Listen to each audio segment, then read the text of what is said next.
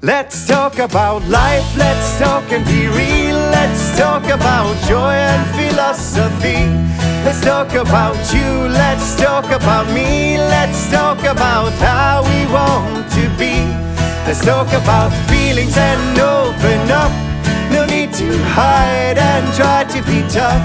Let's talk about life and how it could be. Let's talk about why we disagree.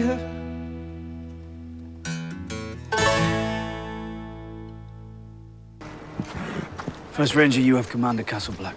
Lord Commander, it is my duty to tell you I believe this mission to be reckless, foolhardy, and an insult to all the brothers who have died fighting the wildlands. As always, thank you for your honesty.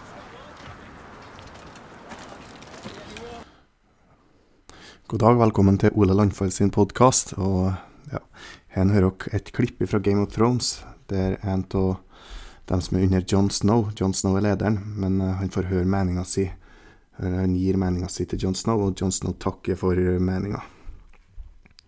Og I dagens episode skal jeg snakke om hvordan vi kan bli flinkere til å akseptere ytringsfrihet i vår kultur. John Snow han, han aksepterer ytringsfrihet, sjøl om han ikke er enig. Så hva kan han gjøre hvis noen sier noe du ikke liker til deg sjøl? Og så hvordan kan du bruke skiten som, eh, som noen snakker til imot dem? Og hvordan kan en stå opp mot det negative kommentarer eller mobbing på en fredelig og fin måte? Da snakker jeg ikke om den voldelige mobbinga, men med, den psykiske delen, med ord som er sårende. Jeg tenker vi skal begynne episoden med ei lita historie om en ponni og en brønn. Det var en gang en ponni, og ponnien den, han var så fin. Han var så fin, fint hår, en fin farge på kroppen, og han var en flink og dyktig ponni. Så andre ponniene ble sjalu på han, de bestemte seg for å lage, eh, ei fell. Så de ordna til en, en sånn grop. De grav et eh, stort hull og dekka over det med kanskje gras og kvister og sånt. Og når den fine ponnien var ute og gikk, så trampa han rett nedi og datt ned i hælet. Yes, endelig har du fanga den jævelen, tenkte de andre ponniene. Så de begynte å sparke jord oppå han. For nå skal de dekke den og grave den ned i hølet. Ponnien som lå ned i hølet, ble jo litt fortvilt, og hva skal jeg gjøre nå? Men så begynte han å riste av seg jorda, og så trampa han på den. Så fortsatte han med den, rista av seg jorda, trampa på jorda, og til slutt har han kommet opp på toppen. Der var han fri, og han ponniene skjønte ikke noe og ble redd. og de ble avslørt for dem som, dem som prøvde å være jævel med. Så budskapet igjen, det er at man skal riste av seg og tråkke på skiten for å komme seg framover. Og det ser ut som kanskje det er en tendens til at vi ikke tør å bli snakka til og være uenig. Kanskje det er sånn at uh, man vinner mer på å ta på seg offerrollen og få den andre til å virke ondskapsfull. Han trampa på meg, han såra følelsene mine. Han snakka negativt om henne, og det, da ble jeg lei meg, for derfor er han ondskapsfull, og jeg liker han ikke. I dagens kultur hadde nok de fleste ponniene blitt dekka av jord fort, og hadde ikke eh, vært kapabel til å riste av oss mange spader med jord før man har lagt seg ned og ropt at noen kaster jord på meg. Men før vi begynner med hvordan du kan eh, riste av deg skiten, så må vi også se på hva, hva er motivasjonen for nedlatende kommentarer. Hvorfor er folk slemme og kommer med stygge og sårende kommentarer?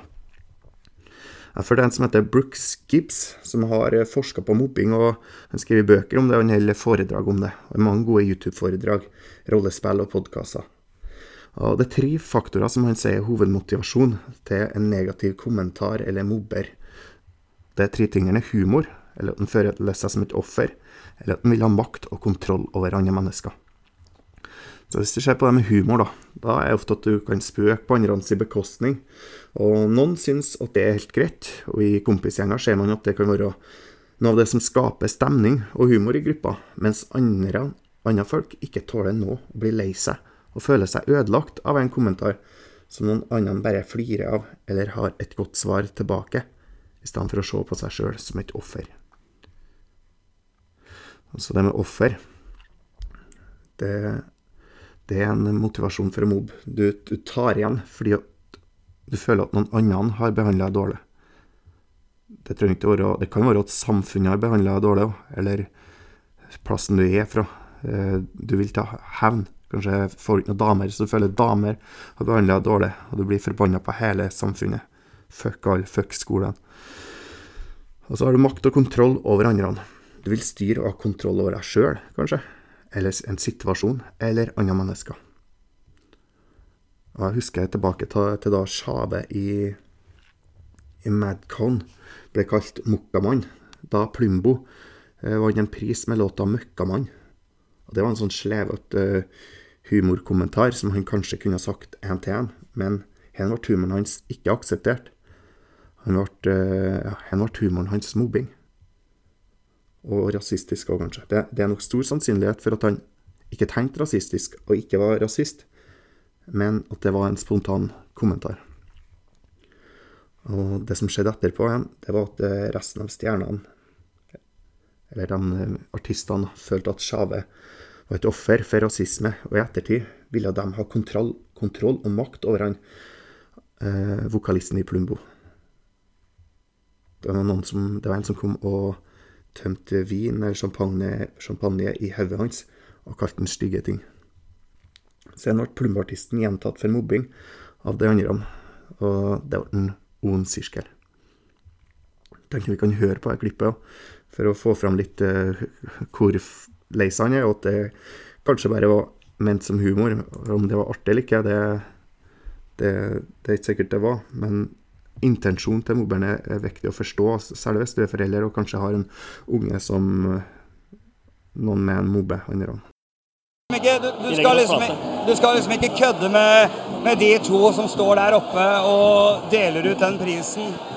Sånne vitser hører jo ikke hjemme noe sted noen Det gjør gang. ikke det. så- det gjør ikke det, Så øh, jeg beklager dypt øh, på det sterkeste Tjave og Madcon og, ja, og alle det måtte gjelde. Unnskyld. Da sier jeg tusen takk til dere. Takk for at dere tok dere tid. Oi! Oi. Nei, men, nei, men det var en nei. Folk er forbanna. Hva skjedde nå? Hva skjedde nå?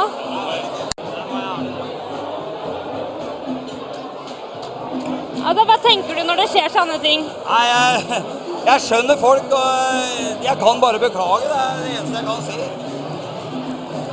Nå kommer pressen og tar bilde av at eh, du rett og slett Det var noen som helte champagne i hodet ditt. Altså, hva går gjennom hodet ditt nå? Nei, jeg, jeg vet ikke. Jeg har best lyst til å gå på rommet og legge meg, tror jeg. Jeg tror jeg gjør det nå. Ja, så her hører dere eh, han vokalisten fra Plumbo. Og hvis man hører på klippet, så hører man hvor lei seg vokalisten er. Og hans motivasjon, det, det ser ut til å være humor. Og han Jeg tror ikke han følte seg som et offer, eller ville ha makt og kontroll over Sjave når han gikk opp der og skulle få en pris som han egentlig var glad for. Så det ser ut som det går an å mistolke folk og legge verste mening i uttalelser Å helle champagne i hodet på noen og latterliggjøre dem etterpå, er nok kanskje ikke den beste måten å stå opp mot mobbing heller. Da får den du, du føler er en mobber, kanskje muligens sympati fra andre, og det, det er virker som det er det som skjedde i ettertida. Skal komme inn mer på den episoden og hvordan man kan snakke med, med dem som mobber etterpå, men det kan jo også være noen sammenhenger med, sammenhenger med motivasjon til folk som fremmer sannhet og ytringsfrihet og imot stygge kommentarer. Eh, eller er det noe forskjellig på, på det motivasjonen der?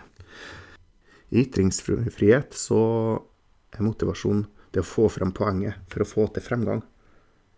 Se på hva som er dårlig, og forandre noe som ikke er bra, kan det være. Og det er måten det sies på, som kan være veldig forskjellig. Noen er flinke med å si ifra på en fin måte, med gode argument, og, mens andre bruker følelser, temperament, stiller spørsmål, latterliggjør, peker på sannheter som ikke så mange har sett. Det kan være forskjellig, folk som peker på noe for å få fram sannheten. Det er ikke sikkert at alle har mastergrad i retorikk, og derfor kan kanskje noen uttrykke seg på en kvassere og mer direkte måte enn en politiker eller en som har mastergrad i eh, argumentasjon og retorikk. Kanskje føler de seg òg som et offer. Eller de vil ha makt, eller prøver å være humoristisk. Så da, da har vi òg samme motivasjon til en som er, bruker stygge kommentarer eller nedlatende kommentarer. Det ser ut som en kategorien har kommet under samme sjanger nå, med netthetsparagrafer som kanskje kan bli innført sånn som hatprat og hatytringer, kanskje. Det heter det. Var litt om motivasjon. Men tilbake til hva kan vi gjøre som forelder da, hvis du har en unge som mobber, eller kanskje kan være lærer, og en som har ansvar for unger. Og Hvis vi ser tilbake til Plumbo og Sjave, så hva hvis du var forelderen til Lars-Erik Blokhus, som er vokalisten til til Plumbo? Han var uheldig med en spøk. Han har fått med seg melding hjem fra skolen om at han har mobba med rasistiske kommentarer. Hadde han hatt best av en samtale eller straff? Jeg har sett foreldre legge ut ting på Facebook med videoer som 'My kid is a bully. Now he has to walk home from school'. Så filmer pappa og lar ungen, uh, ungen sin gå hjem mens han kjører bil. I mitt hode er jeg plutselig far som er mobber. Det blir en gjentagende handling som vises gang på gang på nettet. Motivasjonen til faren er kanskje at han vil ha makt og kontroll over sønnen sin. Og sette et eksempel. Samme som en mobber har motivasjon og makt og kontroll. Eh, en samtale og forståelse av motivasjon til ungen kan gjøre at man kan hjelpe ungen til å finne ut andre måter å få makt, eller være morsom, eller stå opp for seg sjøl hvis han føler seg som et offer og skal ta igjen for det. Samtaler rundt humor, lederrolle og føle seg som et offer, det er en fin start. Kanskje ungen er opptatt av humor, eller at han har en leder i seg som vil ha kontroll over situasjoner, men han gjør det på helt feil måte. Så da må bevisstgjøring av hva en god leder er for noe, være en samtale. Eller mange mobbere føler jo at de har blitt et offer og skal ta igjen på en slags måte. Da er det òg fint å ut, uh, finne ut. Så jeg tenker på at uh, i skoler og politiske kampanjer og sånt, så, ja, så lenge jeg har gått på skolen, så bestandig fokuset vært på at man skal ikke mobbe, og man skal være snill med hverandre. Det er jo et fint budskap, og sikkert bra å ha fokus på. Det kunne etter min mening vært mye mer fokus på å stå opp mot mobbinga. Jeg vet ikke, men i løpet av ei uke har sikkert eh, venner, familie på arbeid eller noen andre kommet med noe nedlatende som du skulle ønske du har et godt svar på. Det kan være humor og ikke alvor, men for dem som er sår, tolkes det som regel til å tenne hen med en nedlatende kommentar, og det var ment som noe stygt fordi mange kanskje har papirtynn hud. Mobbing og negative kommentarer er dessverre noe man kommer til å oppleve gjennom hele livet. Noen vil ha en mening om noe som du syns er positivt eller negativt, men som syns det motsatte. Humor- og standup-komikere tar opp ting på en overdreven måte for å få fram poeng, så hvis vi vet at stygge kommentarer alltid, alltid vil eksistere på et eller annet vis, så bør man òg bli ledd opp til hvordan man tåler dem. Vi vet f.eks. at det blir kaldt om vinteren i Norge. Vi står ikke med skilt om nei til snø, men kampanjer og demonstrasjoner, forteller historier om hvor kaldt det er, eller at hen problemet med kulde må stoppes. Da fikser vi problemet med å bygge hus, ovn, varme klær. Vi har mange verktøy som kan hjelpe oss mot kulden. Jeg sier ikke at vi ikke bør snakke om at uh, mobbing er noe negativt. Men må, det, bør, det, samme bør kanskje skje med mobbing som med kulde, eller stygge kommentarer òg. Vi må ha noe verktøy som vi kan bruke. Hvordan kan vi svare på henne? Er det noen prinsipper som gjelder? I kampsport så finnes det en hel del ulike teknikker for hva man kan gjøre når noen slår. Ved parering av slag, spark, bryting, dukke unna, holde grep. Det, det finnes utallige teknikker for å forsvare seg mot vold. Men hvor mange kan, eh, teknikker kan du for å stå opp mot mobbing? Eh, gjennom jitsuen så har jeg åtte forskjellige teknikker for å komme meg ut av en headlock, et hodegrep. Så hvis noen holder hodet mitt, så er det veldig mange ting som jeg kan prøve på. Men jeg kan bare tre teknikker hvis noen sier noe stygt til meg. Og tre er mye bedre enn ingen, da, som jeg kunne for noen uker siden. Så vi skal se nærmere på de teknikkene jeg har lært meg senere. Et eh, verktøy som noen har, eh, har brukt, eller som jeg har hø hører, det er f.eks. sånn. Det er ikke et veldig fredelig verktøy. Hvis noen sier noe stygt til meg, så slår jeg dem bare bent ned. Jeg klikker bare i vinkel og skaller ned dem. Da tør de ikke å mobbe meg noe mer. Ja, kanskje fungerer det, men kanskje får du jo grisehjuling hvis den andre er sterkere enn deg. Jeg mener det finnes flere gode teknikker som man kan følge i stedet for å ty til vold med en gang. Så vi kan se på noen teknikker for hvordan du kan stå opp mot fornærmelser. Og det første tipset det er at du må eie fornærmelser. Du skal være enig i det. En svakhet du har, kan bli brukt til noe positivt. En knekt fot kan gjøre at man kan trene armene mer. Og hvis noen påpeker at du har knekt foten din, så er det ikke nødvendigvis noe sårende med det. Men hvis noen sier at du er stygg, fet, stygg på håret, så blir folk såra.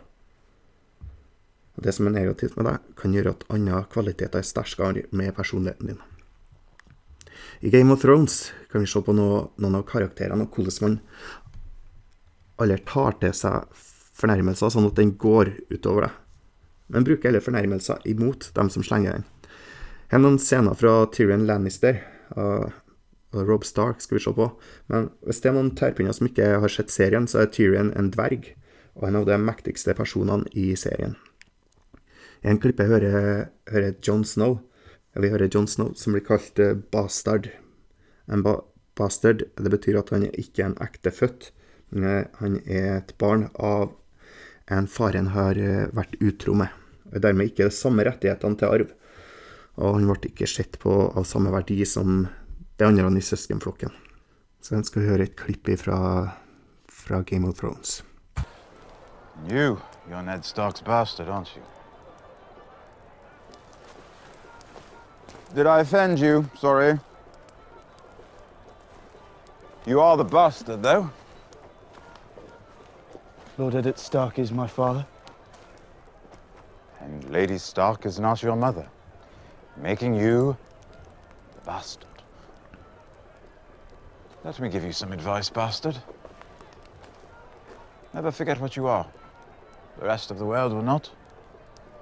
Wear it like armor, and it can never be used to hurt you. What the hell do you know about being a bastard? All dwarves are bastards in their father's eyes. Ja, så her hører vi Jon Snow og Tyrion Lannister. Tyrion han har akseptert at han er en dverg, mens Jon Snow ser ikke ut til å ha akseptert henne. Så hvis du lar ordene så deg, sier Tyrion, vil du alle bli fri og bli gjort narr av. Hvis de vil gi deg et navn, ta det, omfavn det, gjør det til et eget. Da kan ikke navnet skade deg mer. Så En klipper blir Jon Snow kalt bastard, og han blir sint, mens Tyrion har blitt kalt dverg hele livet. Han er en dverg òg, og det er da ikke noe å bli sint over. Han omfavner dvergen i seg, og gjør det bedre enn de fleste andre.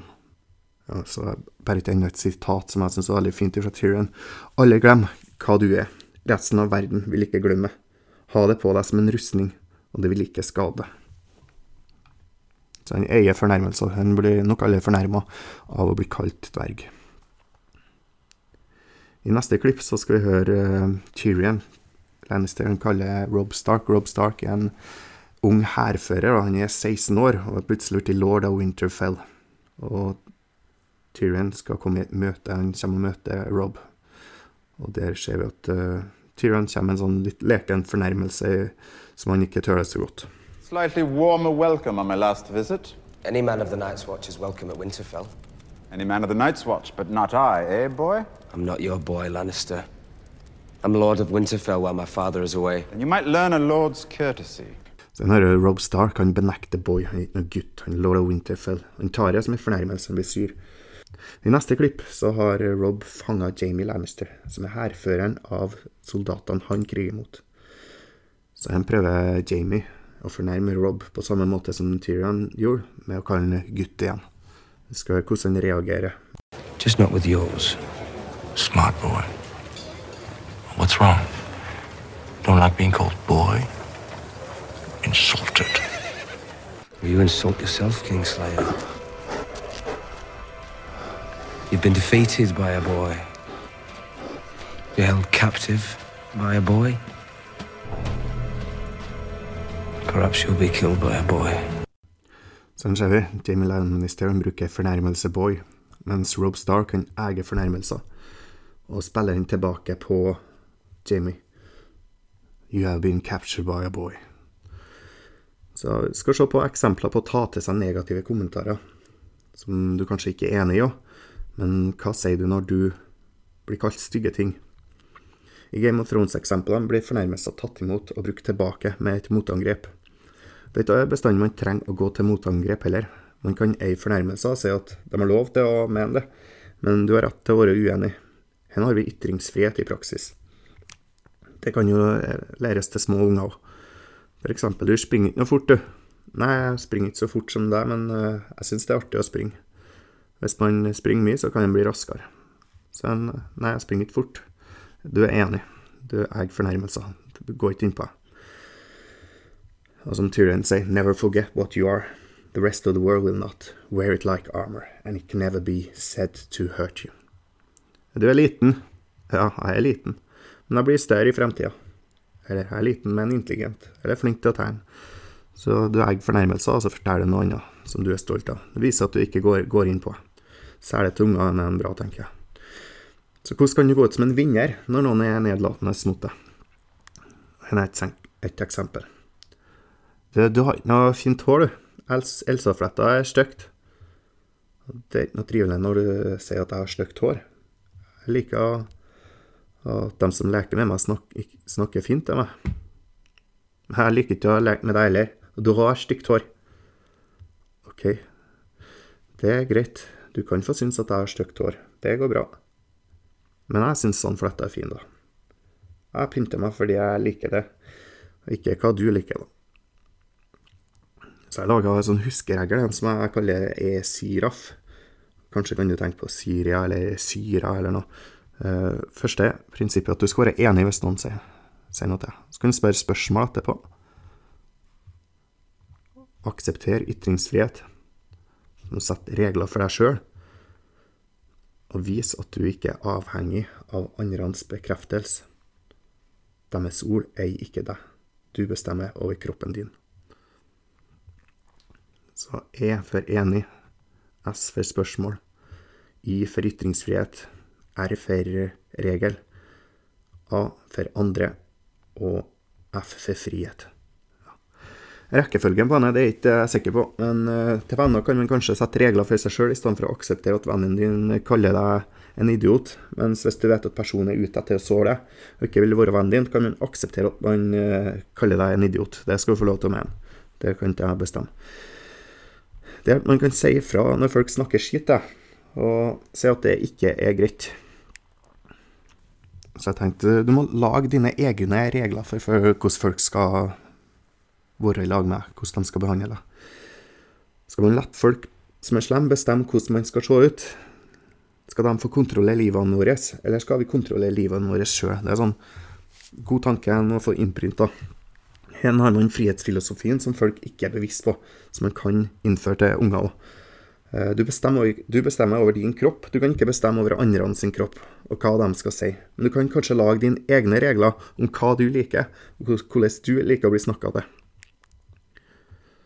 Så du kan gå til aksept med en gang, hvis du vet at personen har null interesse om at du skal bli lei deg. Så du har stygge fletter. Ja, det er mange som ikke liker fletter. Hvordan hårstil liker du? Har vi spørsmål. Vi er enige, og så svarer spørsmål. Jeg liker sånn svart hår. Ja, det er greit.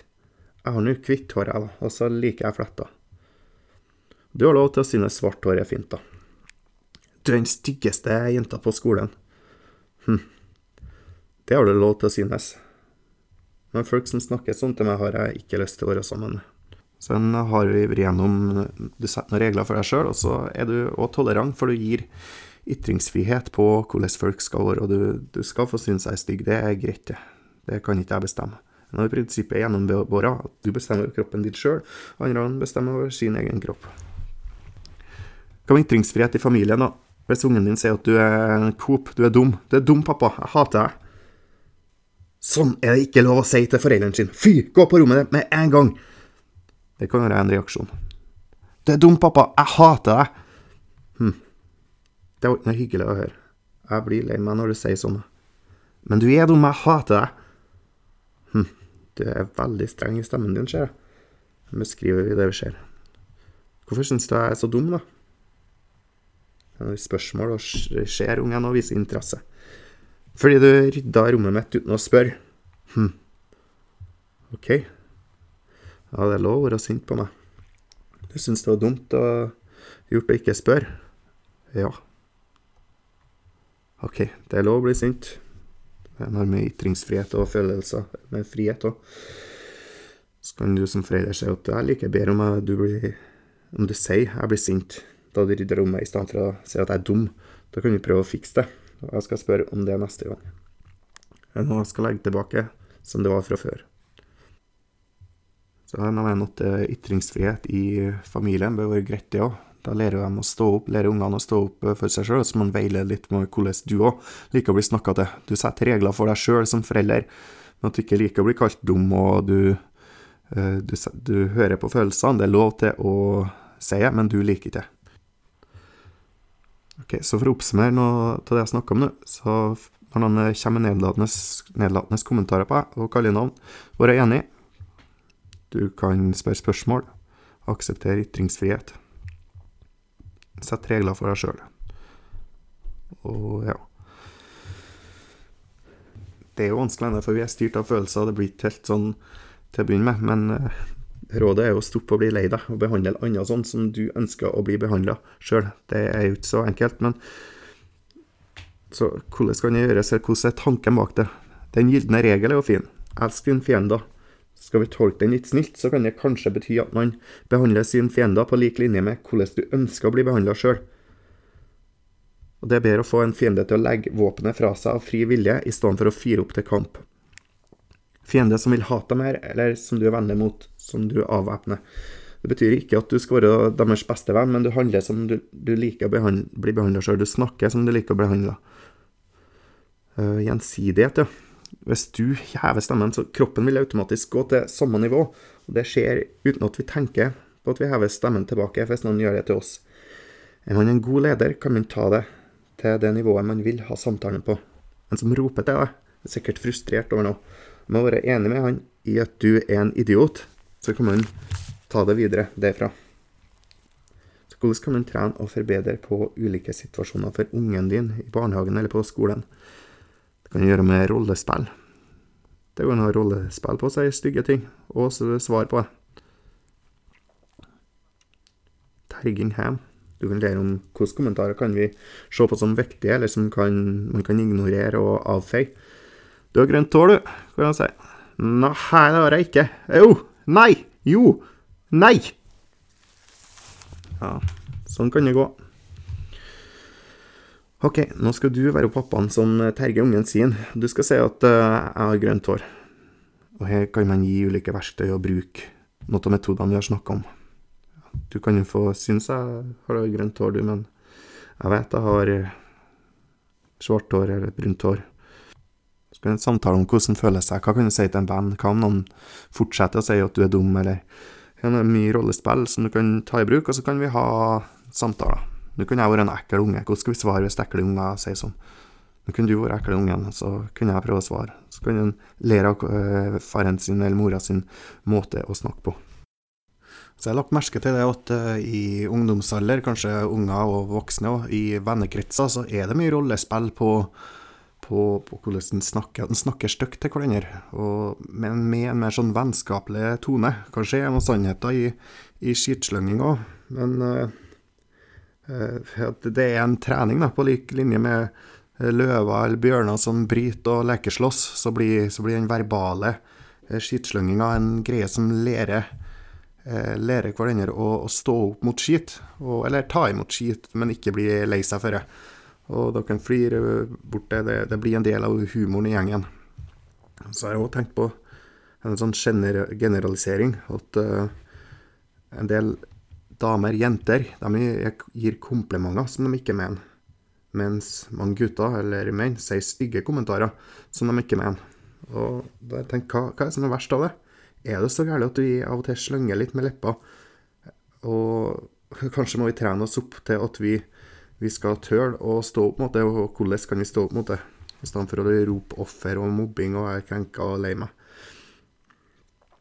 Jeg tenker vi trener oss men det er litt på det med svar på en humoristisk måte. Og det blir løvungene som slåss med hverandre. Det er, det er skit, skitslenginga som guttene har mellom seg. Så kommer vi på en episode tilbake fra da jeg var liten gutt. Jeg var sikkert en ja, På barneskolen gikk jeg i hvert fall. Så kommer jeg på at pappa brukte å treffe en kompis, eller de gangene de treftes på, på byen, eller når vi var på butikken eller noe, så ropte den ene 'Nei, så jævla stygg du har blitt'. Sånn stygg har jeg aldri sett deg før, nei. Og så svarte den andre 'Ja, men sånn stygg har jeg aldri sett deg heller'.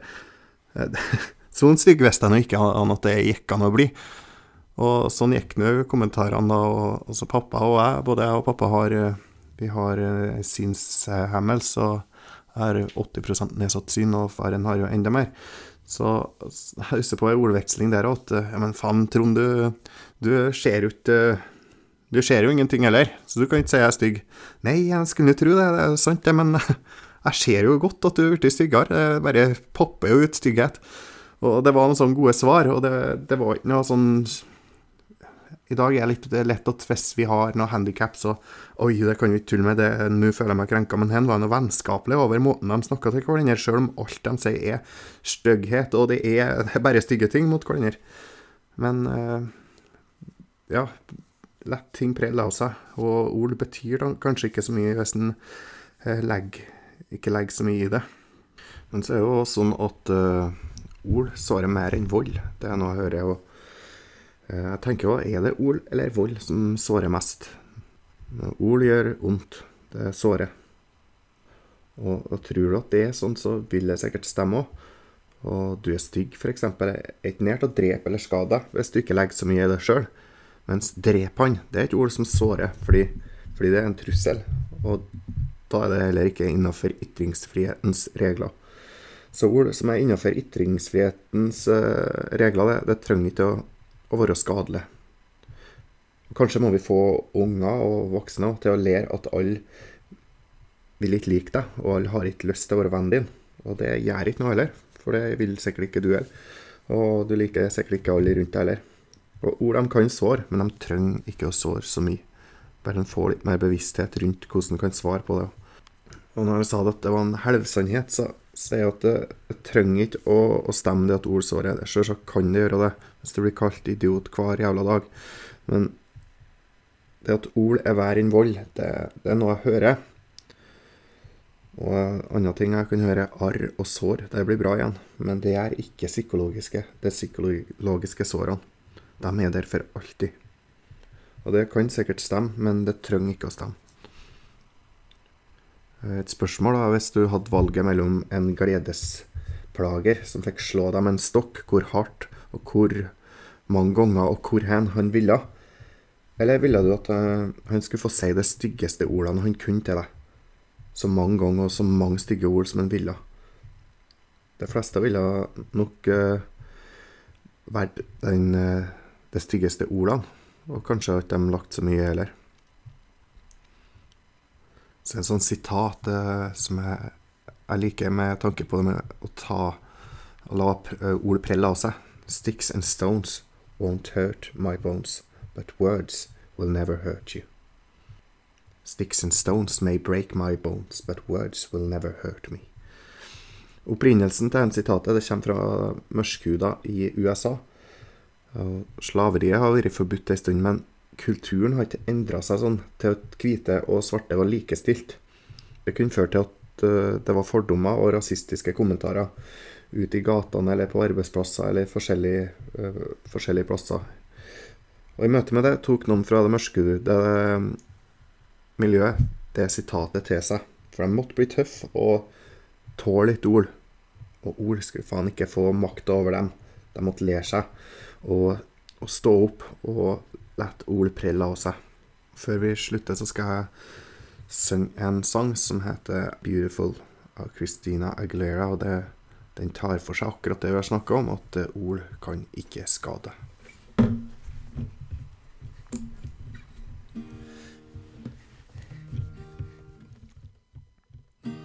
And I am beautiful no matter what they say.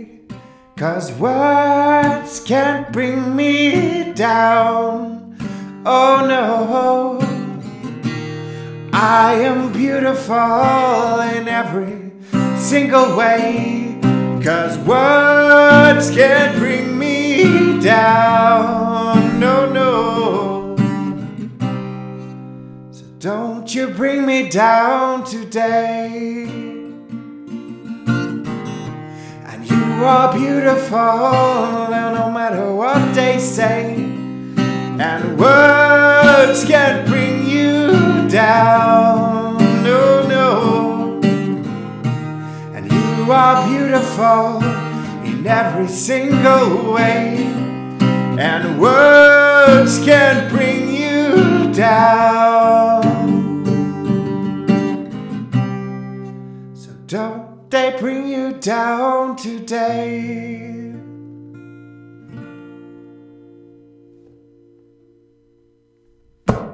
Takk for at du hørte på podkasten, så håper jeg vi høres snart igjen.